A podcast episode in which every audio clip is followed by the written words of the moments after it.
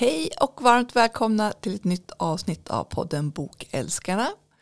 Du lyssnar till Cecilia Andersson och Malin Wall som pratar om författarliv och eh, bokhandelslivet. Och idag har vi turen att ha en oerhört spännande gäst. Nämligen Karin Linge Nord från Basar förlag som arbetar som förläggare. Jag och Silla är starstruck hela tiden. Varmt välkomna till ett nytt avsnitt med oss.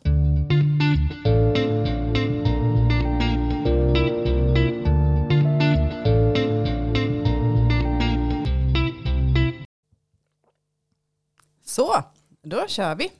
Då har vi premiär i Bokälskarna för en eh, intervju på distans och det är inte mindre, någon min, inte mindre än Karin Lingenord på Basar förlag. Välkommen till Bokälskarna Karin. Tack så hemskt mycket. Jätteroligt att få vara gäst hos er. Vi är jätteglada att du ville vara hos oss. Och vi kanske vill börja lite. Kan du inte berätta lite om hur kom du in i bokbranschen?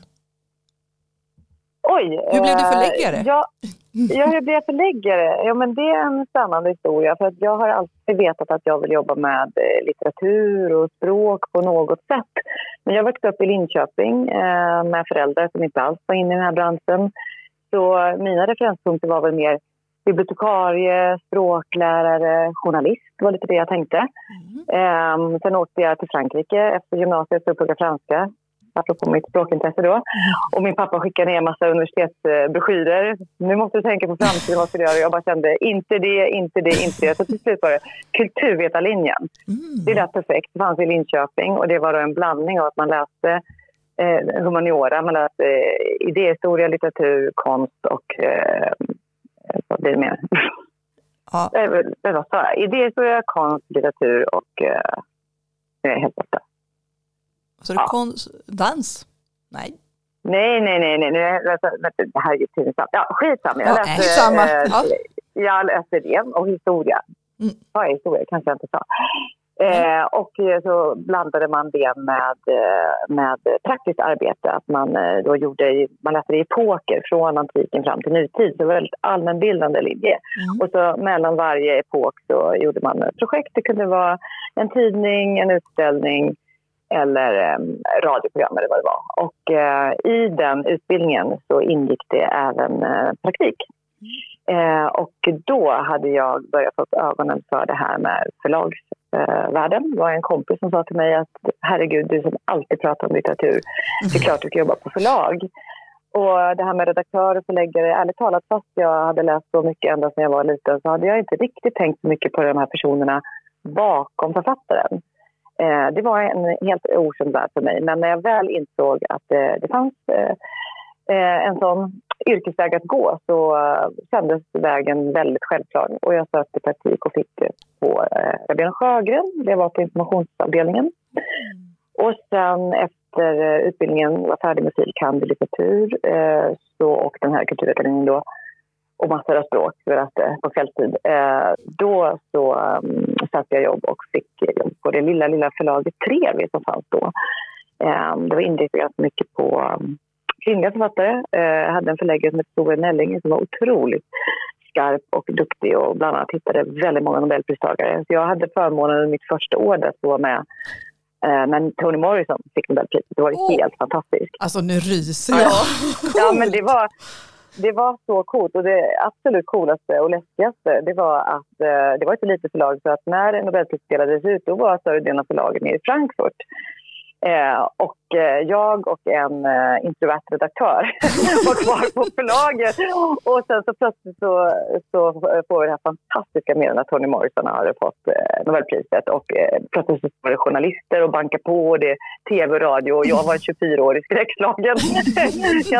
Ganska eh, minst sagt grön informationsassistent som skulle stå och uttala mig om Toni Morrison. Eh, så det var en crash course kan man säga. Men som tur var hade jag ju läst henne mycket och älskat henne. Så jag hade väl någonting kanske vettigt att säga men jag har inte vågat titta på de där videobanden eller som min mamma och pappa spelade in där. Um, så att, um, det var fantastiskt och där, så, um, ja, men där blev jag ganska mycket upplärd uh, kan man säga. Jag fick uh, en helt otroligt utbildad redaktör som Karin Strandberg som mentor. Och eh, när sedan TV såldes till Forum så blev jag redaktör och så bara några år senare så blev jag förläggare och blev ansvarig för att bygga upp den svenska skönlitterära För Forum hade på den tiden, intressant nog, nästan inga svenska författare. De hade bara såna storsäljande utländska författarskap. Ehm, så då var det, och då, det här var precis ja, millennieskiftet ungefär, då hade pendeln börjat svänga väldigt mycket. Så plötsligt så var det svenskt som gällde.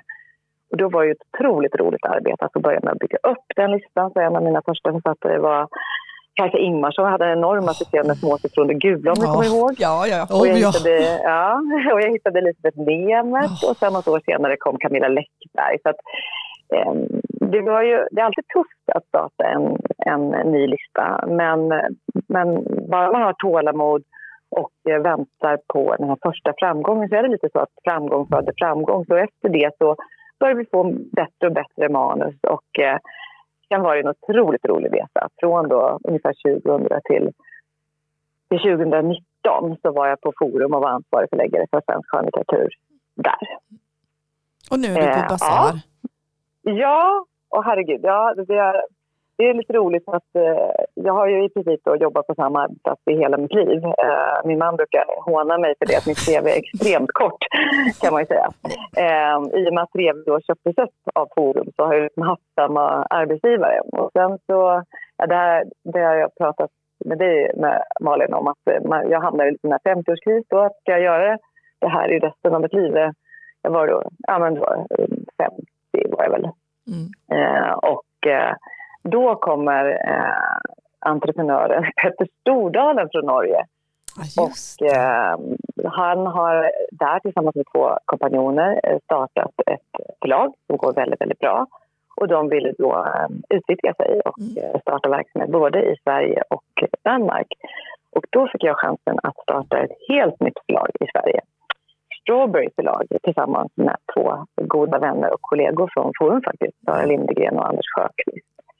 Och det var ju ett sånt där erbjudande man bara får en gång i livet. Mm. Eh, det är klart att det var lite läskigt att hoppa från någonting som man verkligen älskade. Jag tyckte Forum var en underbar arbetsplats. Jag älskade alla mina kollegor och författare. Men som sagt, jag behövde förändring. Jag behövde känna att jag en ny utmaning. Eh, att jag fick bevisa mig igen vad jag går för och på, något, på nytt börja bygga upp en lista. Eh, och det var ju fantastiska möjligheter då, att både få ekonomiska möjligheter att göra det och tillsammans med två personer. Och vi blev sedan snart flera, men det var precis det här första initiala skedet när jag tog beslutet att, att byta.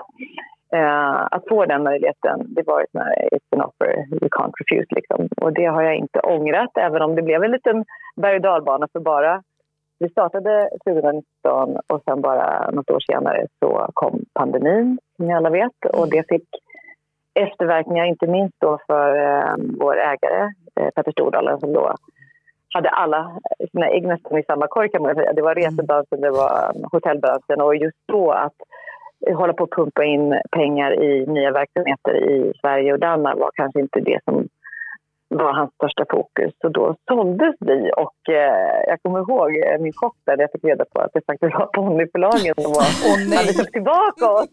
Det var ju, jag var ju inte helt säker på att de eh, var så lyckliga över att vi hade gjort det där bytet. Men tydligen så var de det och ville ha tillbaka oss. Så nu känns det väldigt bra att vara på vårt nya förlag där vi byta namn till Basar förlag. Eh, men att vi är ganska självständiga. Vi sitter på egna lokaler på Sturebruksgatan i Stockholm.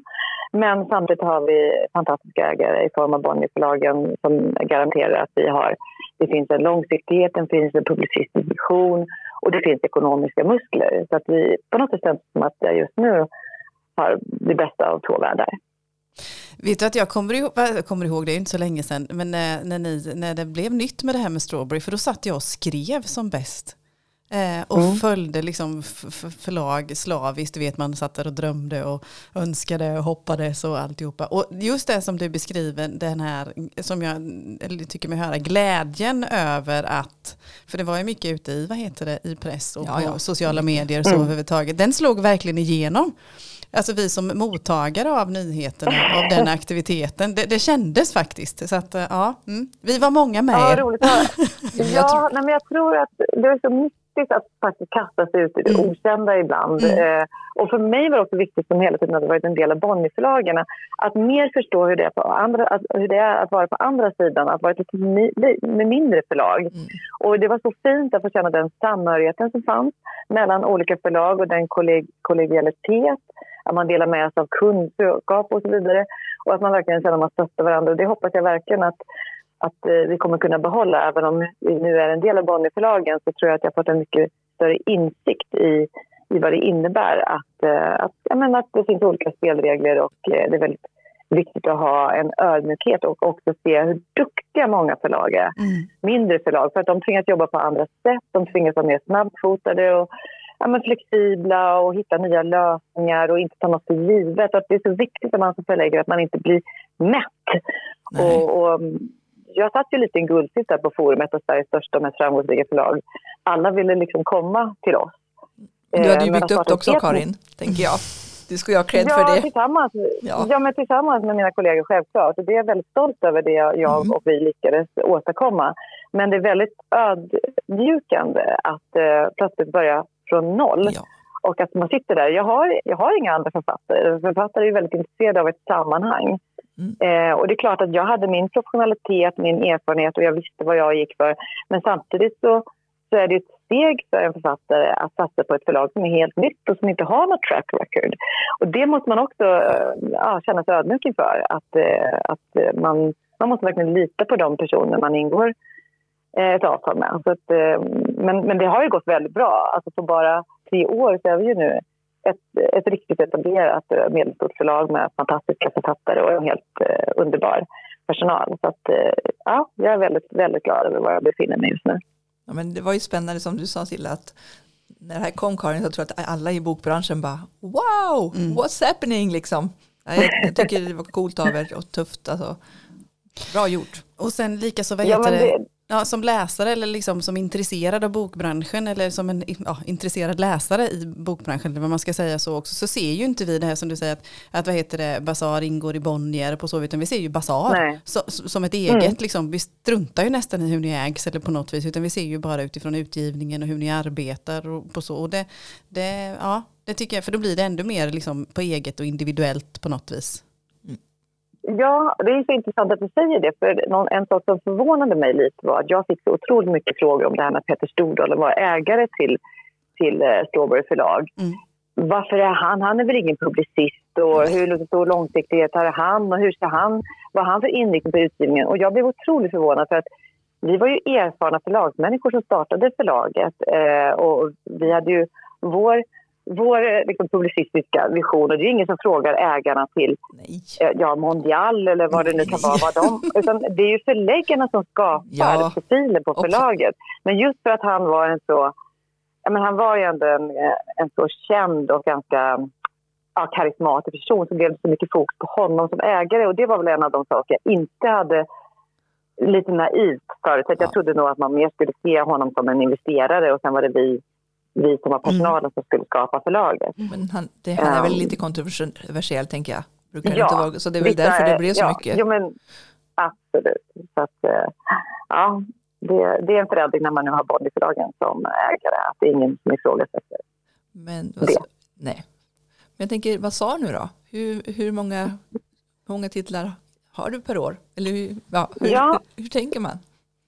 Ja, hur tänker man? Nej, men vi har ju ända från början haft en vision om att vi inte vill ha allt för många titlar.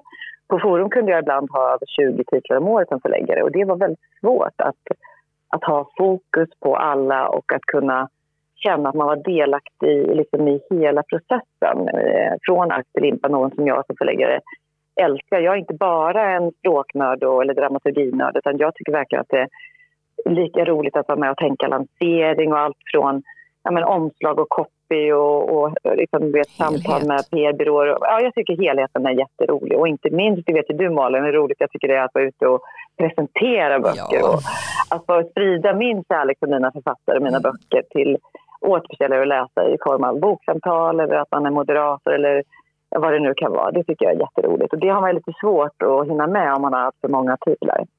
Så vår vision var väl att vi, vi skulle inte ha fler än 40 titlar om året. Eh, och nu, nu är, har vi ungefär 25 på den skönlitterära listan, både svenskt och utländskt, men absolut fokus på det svenska. Och 15 på den facklitterära listan. Mm. Och det är ungefär vad vi tycker att vi på en personal på 10 personer klarar av. För vår, eh, vår önskan är att alla på förlaget ska vara delaktiga i alla projekt. Att känna till dem, att veta vilka författarna är, att vara engagerade. Och det, där någonstans har vi i alla fall definierat att det är, det är en smärttröskel. Att mer än 40 vill vi inte ha.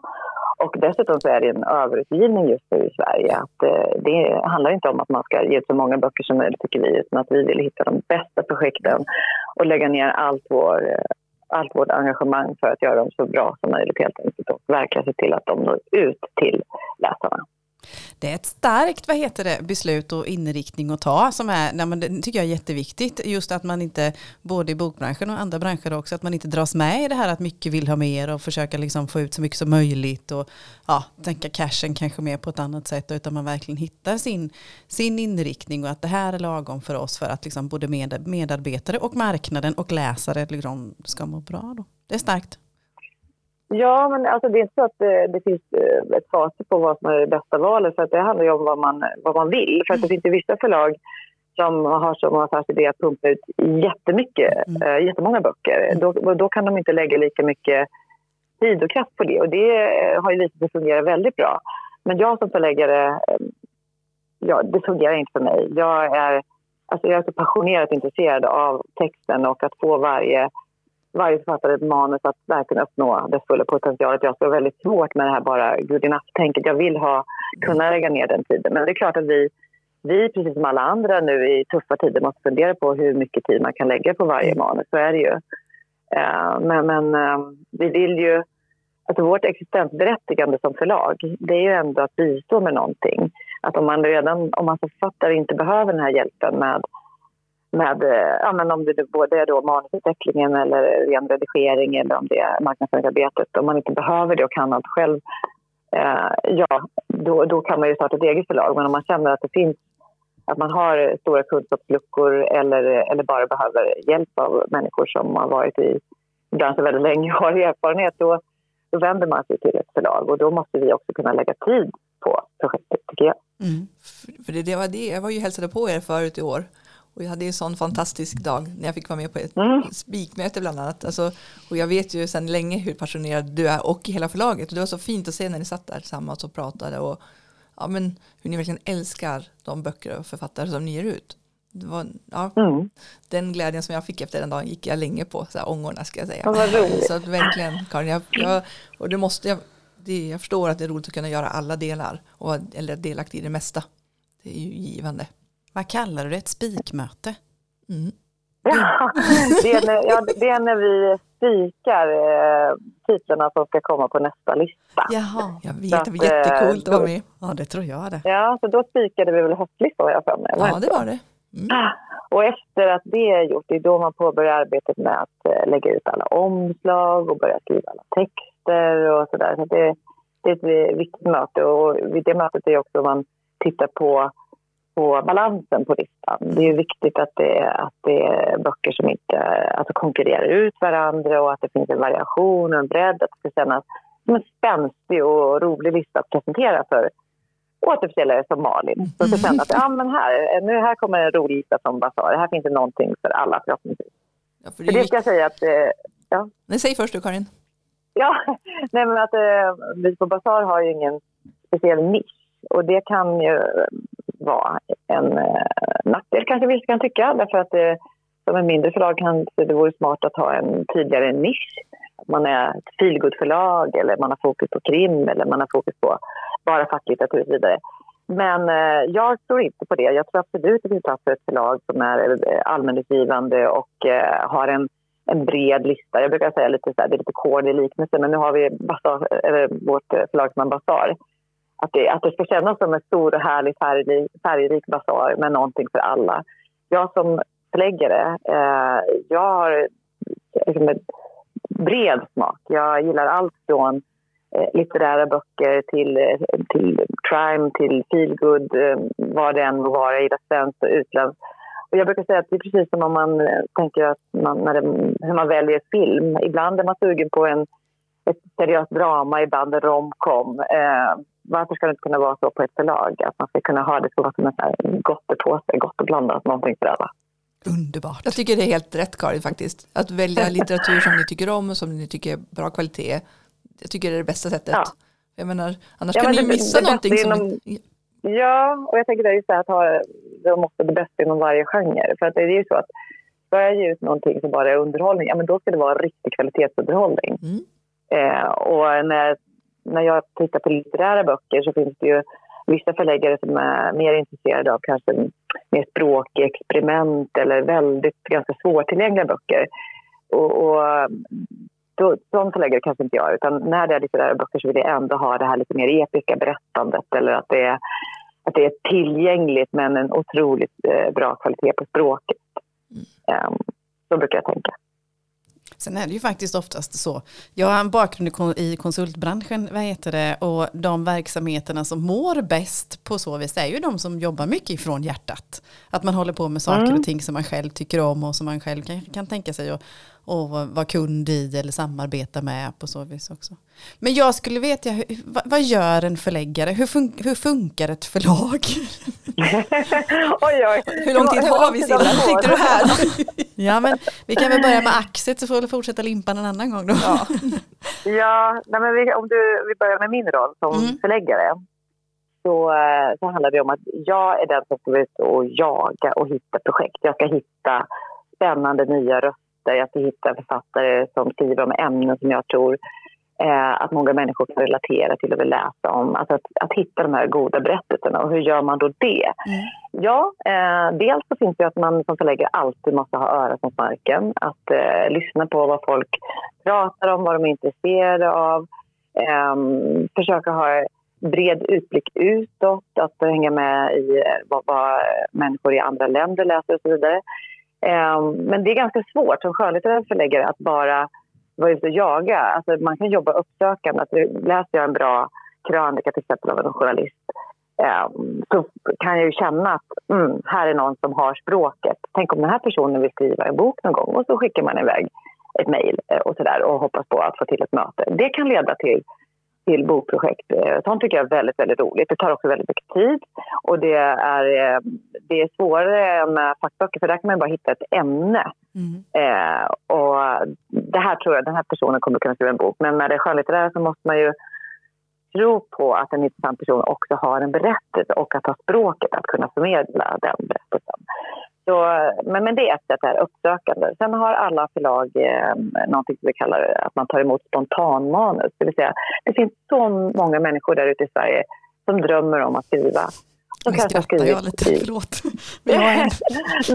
ja, du är en av dem. Ja, men det är så underbart att det verkligen finns så många som brinner för samma sak som jag gör, även om jag aldrig har drömt om att skriva, men att brinna för litteratur.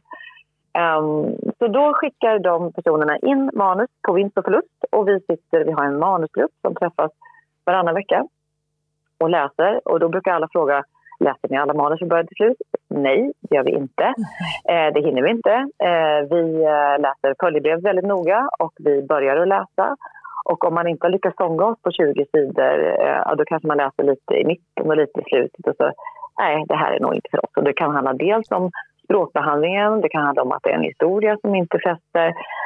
Ja, det kan vara olika saker helt Eller det kan handla om att det är manus i en genre där vi redan har alldeles för många böcker av samma typ. Så att om man får en recensering från förlag behöver det inte betyda att eh, det är ett dåligt manus utan det kan finnas tusen olika anledningar till varför det inte passar in i utgivningen. Det här tråkiga standardsvaret som många författare får, men så kan det faktiskt vara. Eh, men ibland så hittar man ett guldkorn och det finns ju absolut inget roligare än det. När man sitter där på ett manus och plötsligt kommer det där som väcker det här pirret i magen. Att det här kanske kan vara någonting. Och ett exempel på det kan ju vara um, en bok som heter Sista sommaren av Elinor Holmgren mm. som kom ut, uh, var det 20? 21? Ja, 21 var det. Mm. Ja, 21, ja. Som har blivit en, blivit en sån där total fan, läsar och lyssnarfavorit som är sålt över 100 000 ex av. Det var ett sånt manus som jag bara hittade i manushögen. Mm. Um, så då, och man, ibland kan man tycka att man sitter där och lägger ner så otroligt mycket tid och det är faktiskt ganska sällan som det är någonting vi hittar. Alltså, har man tur så kanske det är två per år eller någonting max eh, man hittar de här spontanmanushögarna. Men då kan det då vara ett sånt här guldkorn och då, det gör ju att att det känns verkligen värt att lägga ner allt det arbetet. Um, så det är ett sätt. Uh, ett annat sätt är att det finns väldigt många litterära agenter runt om, eller här i Sverige som också får uh, manus av författare som gör någon slags sållning. Och det som då um, kommer från agenterna, det kan man som förläggare då känna en viss trygghet. Det här är faktiskt någon i branschen redan läst och bedömt är värt att gå vidare till förlag. Så det blir faktiskt mer intressant när det kommer från en förläggare som har gått igenom en första sållning. Eller när det kommer från en agent, där man har då klarat den första sållningen. Så då får man manus även från agenter och då kan vi sluta med att man lägger ett bud. Ibland blir det en auktion, att det är flera förlag som är intresserade. Ibland är det bara en exklusiv, att man får det exklusivt för att en agent tror att, ja, att vårt förlag eller jag som förläggare passar för det här. Det är lite olika. Um, så, och sen handlar det om alla de författarskap man redan har. Ehm, där jag som förläggare då har en ganska sammansatt roll, skulle jag vilja säga. Där jag både är någon slags agent i betydelsen att det handlar om för mig som förläggare att tänka framåt. Vad tror jag gynnar den här författaren? Hur ska vi arbeta för att få den här författaren att nå ut? Och om det är en bok som inte går så bra kan man hitta på en kursförändring för att då nå läsarna på ett nytt sätt. Eh, det handlar ju om att jag som förläggare alltid är första läsare. Det är det som jag tycker är min, min största roll. Att jag är första läsare, det är jag som ger feedback. Eh, om jag får ett manus från en författare, jag läser det och sen så sätter jag mig och eh, skriver eh, ner alla mina tankar. Allt från dramaturgi, eh, karaktärsutveckling, miljö, alltså precis all intrigen, allting i, ett långt, långt eh, dokument. Och eh, jag tycker naturligtvis bäst om att eh, först ha ett manussamtal med författaren när man går igenom allting eh, och, och just berättar. Det här var mina tankar efter det manuset. Här tycker jag att det behöver tajtas, det här förstår jag inte, den här karaktären hänger inte riktigt ihop. Alltså den typen. Och då kan författaren Eh, sitta och fylla i och man får liksom en, eh, ja, ett kreativt samtal kring manuset. Och sen brukar jag då skicka över den här feedbacken så att författaren har ett, någonting att hålla i handen under redigeringen. Och ibland så går det fram och tillbaka mellan förläggare ja, en eller två vändor, ibland kan det bli flera. Och när man väl är färdig med det, då, när det, jag brukar säga att när alla pusselbitar är på plats, det stora övergripande, då går det över till en redaktör som mer gör då en läsning rad för rad eh, där det både är språkligt och innehålls, eh, innehållsmässiga saker som den personen tar upp med författaren. Men det är, mycket, det är en närläsning på ett annat sätt än vad förläggaren gör. Mm. Här måste vara ganska tajt arbete mellan förläggare och redaktör också, just den bryggan över så att man fångar. Ja, Ni är ändå olika det, personer. Det, ja. det är bra att du säger det, att det är väldigt viktigt med den där överlämningen. Så att redaktören eh, får en visshet om vad det är jag som förläggare har fokuserat på, vad min vision för den här boken är vad jag och författaren har jobbat med så att man inte sen kommer med diametralt alltså annorlunda åsikter att författaren blir helt förvirrad. Nej, men Karin sa ju det här, nu tycker du att man ska gå till det här hållet. Det är väldigt, väldigt viktigt. Men hur många redaktörer jobbar du med, Karin? Eh, här på förlaget så har vi en anställd redaktör, Agnes Kavalin, som är fantastiskt duktig och hon är mm. även eh, otroligt duktig manusutvecklare. Eh, men sen jobbar vi med frilansande redaktörer, eh, väldigt många. Men det var ett stort steg för mig att gå från Forum där jag verkligen hade jobbat så länge. Och jag, kunde, alltså jag kände ju de redaktörerna så otroligt väl och visste precis hur vårt samarbete fungerade. Mm. Så att då, att, att då börja jobba med externa redaktörer som man inte hade samma kunskap om det, det var ju lite att släppa på kontrollen. Att, uh, jag, var, för jag var, hade som tillit till uh, de, eller de uh, redaktörer jag jobbade med på Forum. Och det har jag nu för de frilansande jag jobbar med också. Men det tar ett tag innan man lär känna varandra och mm. hittar det där och de olika rollerna. Det, det är väl roligt och eh, alltså, ja, utvecklande för dig också att jobba med nya människor. Det måste vara jättekul. Verkligen. Ja. Och jag, tyvärr, alla som känner vet att jag har lite av ett kontrollbehov. Men det är för att jag är så engagerad. Så, ja. att, eh, så att det är jättenyttigt för mig att, eh, att just att släppa taget och lära mig hur olika redaktörer arbetar och, och se deras expertis. Är väldigt utvecklande. Fast jag inbillar mig liksom att vad heter det, som förläggare så är nog eh, just kontrollbehovet väldigt positivt. Jag tänker också mot andra yrkesroller just det här att få. För att du har, man liksom, det är flera människor inblandade, att man verkligen följer den här röda tråden, rösten eller vad man nu kallar det, så att det liksom ja. hänger ihop hela vägen. Det måste det göra. Ja, ja och sen även som man säger just den här ja, överlämningen till redaktören, även om liksom just kunskapsmässigt men även effektivitetsmässigt. För jag menar, ni driver ju också en, en verksamhet, en business liksom, som också ska då flyta ganska sömlöst med så det inte drar ut på tid och så också. Häftigt. Jättehäftigt. Ja, verkligen. Och det måste jag säga, det här med att starta förlag och börja jobba med externa redaktörer, det gör ju också att man synliggör allt det arbete som en redaktör på ett förlag gör. För att mm. där mäter man inte tid på samma sätt. Så att det blir väldigt tydligt just där hur många mm. timmar man faktiskt lägger ner på ett manus. Och det som författare um, så tror jag att man inser vilken otrolig ynnest det är att bli antagen av ett förlag. För att människor då Alltså om, om en författare skulle lägga ner, eller själv betala för alla de timmar en redaktör och förläggare lägger ner för att, för att, äh, för att få det här manuset att, att nå sin fulla potential, det skulle vara väldigt svårt att lägga så mycket pengar helt enkelt.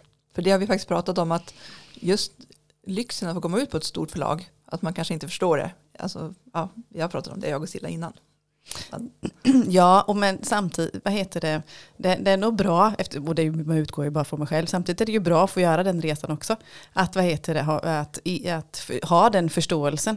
Vi som försöker köra resan själva eh, med egna förlag eller olika alternativ eller något sånt, vi får ju, eh, för varje dag som går får ju större och större respekt för ert jobb, Karin. Vad roligt att höra. um, men sen, eh, en sak jag glömde prata om var ju eh, om om ni är intresserade av det, det är ju det, hur man gör för att bevaka eh, det utländska. Ja, mm, det är spännande det är ju också. Väldigt, ja, det är väldigt spännande, för det är väldigt olika då. Eh, en del förlag, inklusive vi, har så kallade scouter. Vi har bara engelska scouter. Eh, de heter London Literary Scouting och det Eh, är ju lite konstigt namn kanske, på scouter? Men de, det betyder helt enkelt att de scoutar på den utländska marknaden. Så I vårt fall så är det inte bara engelska böcker de bevakar utan det är hela världen. De har läsare som kan italienska, spanska, franska, tyska, allt. Och de har då kontakt med förläggare i alla olika länder och får manusen innan de då är, ibland innan de är antagna på ett, på ett förlag i originallandet. Och eh, de läser och de skriver då så kallade lektörsutlåtanden eller rapporter säger vi där de då sammanfattar handlingen och skriver utlåtanden om uh, varför de, de, tycker att boken är, är, bra eller mindre bra.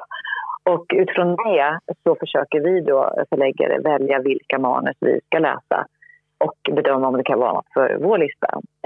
Eh, så det är som, eh, som en, en sållning helt enkelt. För att jag tänker hela världens litteratur. Hur ska, jag, hur ska jag kunna välja vad jag ska läsa? Och framförallt, hur ska jag kunna få tillgång till manus som ännu inte är utgivna? Det är oerhört spännande um, Karin. Vi pratade om det när jag var hos ja. er på det här morgonmötet. Det var oerhört Precis, intressant att, få veta det. Det finns, ju, det, finns ju, ja, det finns ju agenter i varje land också och de skickar ju direkt till, till förlagen. Men det är en sån störtflod av manus som kommer varje dag. Så att, alltså, den stresspåslag man kan få av att titta i min inkorg är ju är helt galet. Alltså med, mina kompisar säger, men hur många, jag har tusen. Men det är bara, jag har ett system, alltså, för det går inte att bli stressad över i och med att det kommer hela, hela tiden. Men en hjälp är då de här scouterna som faktiskt sätter betyg och säger att Karin, det här måste du fokusera på. Eh, så då kan jag ibland bara kasta mig på ett manus. Det här är jättebråttom och då får man sitta hela kvällen och hela helgen och bara läsa. Eh, mm. och eh, så tar man beslut då. Vi har ju utgivningsmöten. Gud, det är så mycket att prata om. Ja. Vi har utgivningsmöten var, varje vecka när eh, vi förläggare då sitter och eh, presenterar de projekt vi vill gå vidare med. Mm. Och eh, då handlar det om att man ställer in eh, det här projektet till, eh, till, eller jag i mitt fall, att jag ställer in det här projektet till mina kollegor eh, och förklarar varför, eh, alla USPar, hur jag ser på vad det finns annat på marknaden, varför jag tror vi kan lyckas med det här. Och både, både vad jag ser som eh, riskmoment och vad jag ser som möjligheter. Man vänder och vrider på det och sen ehm, jag tycker det är väldigt bra att vi här på Basar ser vi verkligen att det är, det är sälj och marknad och det är, det är redaktörer och koordinatorer. Alla är med. Vi är så pass få att vi har bedömt att vi kan, kan ha den typen av utbildningsmöten. Då får man väldigt många olika eh, man får olika inspel, man får olika frågor och jag brukar säga att om man inte ens kan ställa in projektet till sina kollegor då kommer vi inte kunna ställa in det till resten nej, av marknaden. Så det, nej. så det är väldigt bra, men förhoppningsvis får man igenom sina projekt. Ehm, och, ehm, ja, och då, blir det, går det, då är det projekt antaget och man kan ringa det här fantastiskt roliga samtalet till författaren och berätta. Ja, det blir det. Men om vi, om vi flörtar lite liksom då med sälj och marknad. Malin har varit så snäll i olika avsnitt här och förklarat hur deras inköp och hur det samarbetet med er fungerar där. Men om vi tar det liksom ur ett författarperspektiv, för vi som läsare ser ju författarna ute på bibliotek eller på i bokhandlar och besök eller på bokmässor eller på så vis då. Vilken roll mm. har förlaget i det? Du nämnde det liksom att man är gärna, eller du i alla fall är gärna med hela, löper hela linan, linan ut. Är det mm. ni som bokar liksom författarbesök eller gör författaren det själv? Eller, eller besök, men aktiviteter då? Eh, eller, ja. ja. Ja, men så här är det att eh, om, om vi går tillbaka till det här antagningsögonblicket då, mm. då kan jag ringa och berätta för författaren att eh, din bok är antagen. Vi eh, har tänkt att den ska komma ut på den här listan. Eh, och där sätts maskineriet igång. Mm. Eh, och många som inte kan boken tycker att det är så otroligt långa cykler. Men, men det krävs för att för att allting ska fungera. Så då sätter man igång som jag sa, allt det med, med omslag och texter och allting och inför införsäljningen. Eh, och man har ett uppstartsmöte med författaren, eh, eller vi har det på Basar. Eh, och då får författaren komma och presentera sin bok så att man verkligen ska kunna ge sin bild av både av boken och vem de är som författare. Och redan där börjar vi prata lite så lösa tankar kring lanseringen. Mm. Vad har författaren för plattform? Vad har författaren för drömmar? Vad är det de vill göra? Är det den typen av författare som tycker det är roligt att komma ut och prata och träffa återförsäljare och läsare och så vidare? Eh, och att, att man verkligen går igenom alla olika vinklar inför pressbearbetning. Vad, vad känns unikt med den här titeln? Man kopplar på, då kopplar man på just press och marknad och sälj så att alla får inblick i det här projektet som tidigare bara förläggaren haft. Ju. Mm. Eh, och sen vidtar det här eh, Eh, ganska långsiktiga arbetet där sälj och marknad och eh, jag som förläggare vi går in och pratar om var ska vi lägga budget, vad tror vi, är det här en, är det här en, en titel som eh, kommer få mest press eller handlar det om att det måste komma ut och få ambassadörer, alltså det måste bli utskick, ska vi, ska vi, hur kan vi jobba med sociala medier? Ja, men det finns tusen olika saker. Vilka, vilka återförsäljare kan vi göra kampanjer med? Och så då startar det här arbetet och sen brukar vi ha ett eh, lanseringsmöte ungefär en månad innan utgivning. Där, då har vi kommit så långt. Det här är ett nötande verk. Det är ett enormt arbete som Sälj och marknad lägger ner med att tusen samtal. Allt ifrån att få in det på Adlibris eller på streamingtjänsten, att boka eh, turnéer till olika bokhandlare och det är bokmässan, det är festivaler.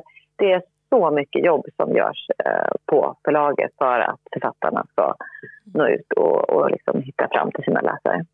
Och det tror inte jag att gemene läsare är riktigt medveten om på det sättet att det är ett förlag som gör det här stora jobbet innan. Alltså liksom det är en hel marknadsavdelning också.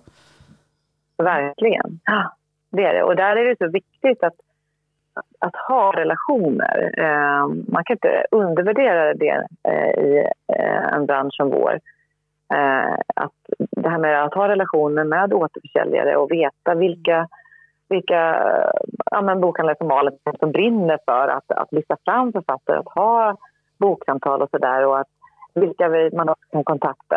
Jag kan inte kontakta eh, återförsäljare utom jag vill ha input på ett omslag eller på, på en författare, vad man tror om potential och sådär, ett ämne. Det är jätteviktigt att, att eh, hela tiden känna att man kan ha ett utbyte det, det välkomnar vi verkligen. Eh, att man tar kontakt med oss och att man vill vara delaktig. Mm. Ja, men det märks ju Karin att ni älskar ert jobb på Basar. Ja, verkligen. Mm. Jag har en, en annan fråga, liksom, om man tar ett hopp längre. Vi har lanserat och vi har marknadsfört och boken har kommit ut och det rullar på så att säga. Och eh, jag vet inte om man ska säga tyvärr, men det är ju faktiskt så att alla böcker slår ju, om det är en debutant, alla böcker slår ju liksom inte, få slår från allra mm. första början, utan det är ett, ett, långsiktigt arbete det är för författaren att, liksom, mm. att bygga sin, tillsammans med sin plattform och sitt författarskap. Men finns det någonting, och det här, ja, nu bara spånar jag, finns det något liksom att det är, ja men oftast är, slår författaren, eller nu vet jag inte vad jag ska definiera slå med, men vad heter det, är det bok tre? Ja, precis, en bok. Vi slår författaren med en påk ja. i bok tre. Mm.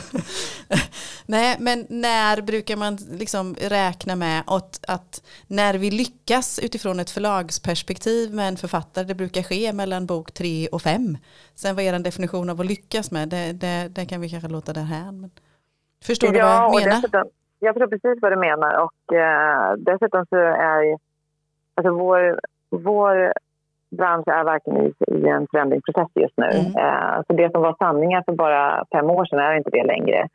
Så vad som är en, en, en, eh, ett lyckosamt projekt, det har vi tvingats att tänka om ganska mycket därför att den inbundna försäljningen har gått ner väldigt mycket. Um, jag kan tillägga att jag somnade till Förläggarföreningens statistik igår kväll så det, liksom, det kommer lite därifrån. ja, Nej, men så här skulle jag säga att um, det är svårt att uh, ge några definitiva svar på det därför att det handlar lite om varför man har antagit en bok. Säg att mm. du har mm. antagit en bok av kommersiella skäl. Det här mm. är underhållningslitteratur som ska funka. Det, det, det är liksom, vi kommer inte få några recensioner, vi kommer inte få någon, någon cred för att vi ger ut utan det här ger vi faktiskt ut för att vi vill nå ut med det, för att både vi och författaren eh, vill liksom sprida eh, det här innehållet och ge människor mycket glädje och att vi också kommer tjäna pengar på det, mm. rent krasst. Mm. Eh, då är ju tålamodet lite kortare skulle jag säga om det inte alls funkar. Mm. Mm. Eh, det, förstår du vad jag menar? Därför att ja. om man ger ut en bok av, av andra skäl, därför att man tycker att och det här det är så fantastisk litteratur och det spelar ingen roll om det bara säljer tusen ex för det här är bara så bra och vi kommer att få recensioner och, och alla, alltså jag brinner för det så fullständigt som förläggare och jag ser en framtid för den här författaren, den kommer att kunna utvecklas. Då har man ju lite längre tålamod. Mm. Mm. Så det är faktiskt så att, att man, det är lite olika eh, hur, hur man bedömer om ett projekt är lyckat eller inte. Det, det finns olika parametrar att, uh, att titta på där helt enkelt. Mm. Mm. Ja, men det, och det tror jag också, ur ett läsarsperspektiv eller våra lyssnares perspektiv så att säga, att eh, det är viktigt att, att, att veta det eller vara på så vis också. Mm. Faktiskt. Mm. mm. Men det är ju alltid fruktansvärt jobbigt att, ja. Eh, att, att behöva avsluta ett författarskap eller, eller säga Säg att man har gett ut ett manus eller en bok som man tycker fantastiskt mycket om och så kommer ett manus som, är, som man inte liksom tror har mm. samma oh, jobbigt potential. Jobbigt man, Karin. Mm. Ja, det är, det är fruktansvärt. Om man är så känslomänniska som jag, ja. det är inte roligt kan jag säga. Å andra eh, sidan men, så och då måste man ju, ja. Det hjälper ju inte någon. Man, precis, det hjälper ju vare sig författare eller förlag. Det blir bara skräp. Men, men, det är exakt men brukar du säga att skriv något nytt då, eller vad gör du då? Eller? Ja, nej, men förhoppningsvis så, så... Um, eller först så försöker man ju att hitta rätt med det manus man har. Men om det kan, det är några få gånger det har hänt att man faktiskt inte hittar rätt. Och då så kan man få säga att alltså, jag är ledsen men, men vi kommer inte vidare med det här manuset. Det, det fungerar helt enkelt inte. Och att man helt enkelt eh, får uppmana till att skriva något nytt. Eh, och då, det har i vissa fall blivit något fantastiskt. Eh, men det är ju alltid jobbigt för en författare att lagt ner så mycket tid och engagemang i, i sitt manus. Att, um, det tillhör inte jobbets höjdpunkter kan jag säga. det är bra skrivträning tänker jag. Ja det är bra. Ja. Så. Jag tänker så här att vi kan sitta hela, ja. vi kan prata hur länge som helst med dig Karin. Mm. Men, men, men jag tänkte så här, vilka, vilka böcker tycker du är vårens bästa? Vilka, tip, vilka, vilka, har, vilka, har du några tips? Vi, vi, brukar alltid ha boktips Malin och jag i slutet på varje poddavsnitt och nu lägger vi det här knät på dig för det hade inte vi förberett dig för. Men bra boktips från Basar förstås. Som, som vi borde läsa ja, 2023. Ja du får ta dina egna, ja, det tycker vi. Ja, ja det var lite, det var lite självklart. lättare. Ja, självklart. Man har ju liksom det, top of mind eh, är ju vårens titlar och eh, då har jag min, en stor, stor favorit är en helt ny deckarserie av Helene Gullberg där, som kommer utspela sig i en värld av konst och antikviteter och eh, fascinerande karaktärer. Den första boken heter Adepten. Mm. Eh, tror otroligt mycket på den. Och precis när jag var i fredags var jag på väg till Sälen eh, på en kort eh, weekendsemester och eh, då ringde en norsk kollega från Gyllendal helt överlycklig och bara älskade manuset och hade precis preemptat det. Så eh, det känns som eh, verkligen, det, är något, det finns ett otroligt stort intresse för kriminallitteratur och också eh, det här med antikviteter. Tänk bara på Antikrundan, hur populärt det här är. Och författaren Helene, hon är, alltså hon är så kunnig. Hon har jobbat på Stockholms auktionsverk, Bukowskis, hon jobbar på Kungliga slottet. Hon är som en encyklopedi av kunskap i de här ämnena och sömlöst väver hon in det i en jättespännande mordintrig. Och jag älskar hennes huvudkaraktär som är som en blandning av jag brukar säga att det är som en blandning av uh, Lisbeth Salander och uh, Agatha Christie. Det är, det är helt fantastiskt. Jag sprang ju på henne på, Ninnis eh, releasefest. Ja, det gjorde du. Hon verkar jättegullig. Ja. Och sen en annan eh, riktig favorit är Soppojken av Peter Hammarback eh, som är en eh, debut. Mm. Um, alltså om det är någonting som man har talat om den senaste tiden så är det ju det här med alla skandaler på djurparker. Och det har han med nästan skrämmande fingertoppskänsla lyckats fånga upp innan det allt det hände. Och han har skrivit en manus med en, en, ja, lite Fredrik Backman, Jonas Jonasson 2.0 som handlar om en eh, djurskötare som en dag får nog och undrar vad han håller på med när hans chef vill börja föra in massa exotiska djur i den här djurparken på eh, Djurgården i, i Stockholm. Eh, och han inser att eh, han kan inte längre stå för det här. Att, eh, han älskar djur mer än allt, men är det verkligen rätt att hålla dem instängda och framförallt om alla de här djuren? Så han och hans nya kärlek eh, Nathalie bestämmer sig för en helt galet eh, räddningsaktion. De ska ta de här eh, djuren från fångelstifteriet i Kenya. Och den är så rolig. Och det är så mycket härliga, nördiga fakta om djur. Och det är just, ni vet den där underbara varför man får skratta högt till eh, galenskaper på ett väldigt, väldigt charmigt sätt. Kul! Så de, jag vet två bra tips. Ja, låter... En krim och en mer Ja, Malin skrev ner dem direkt här. Ja, men vi måste ta med dem i podden sen, ja. eller i texten, så ja. lika bra skriva upp dem. Ja, det är bra. Så. Men tack Karin säger vi.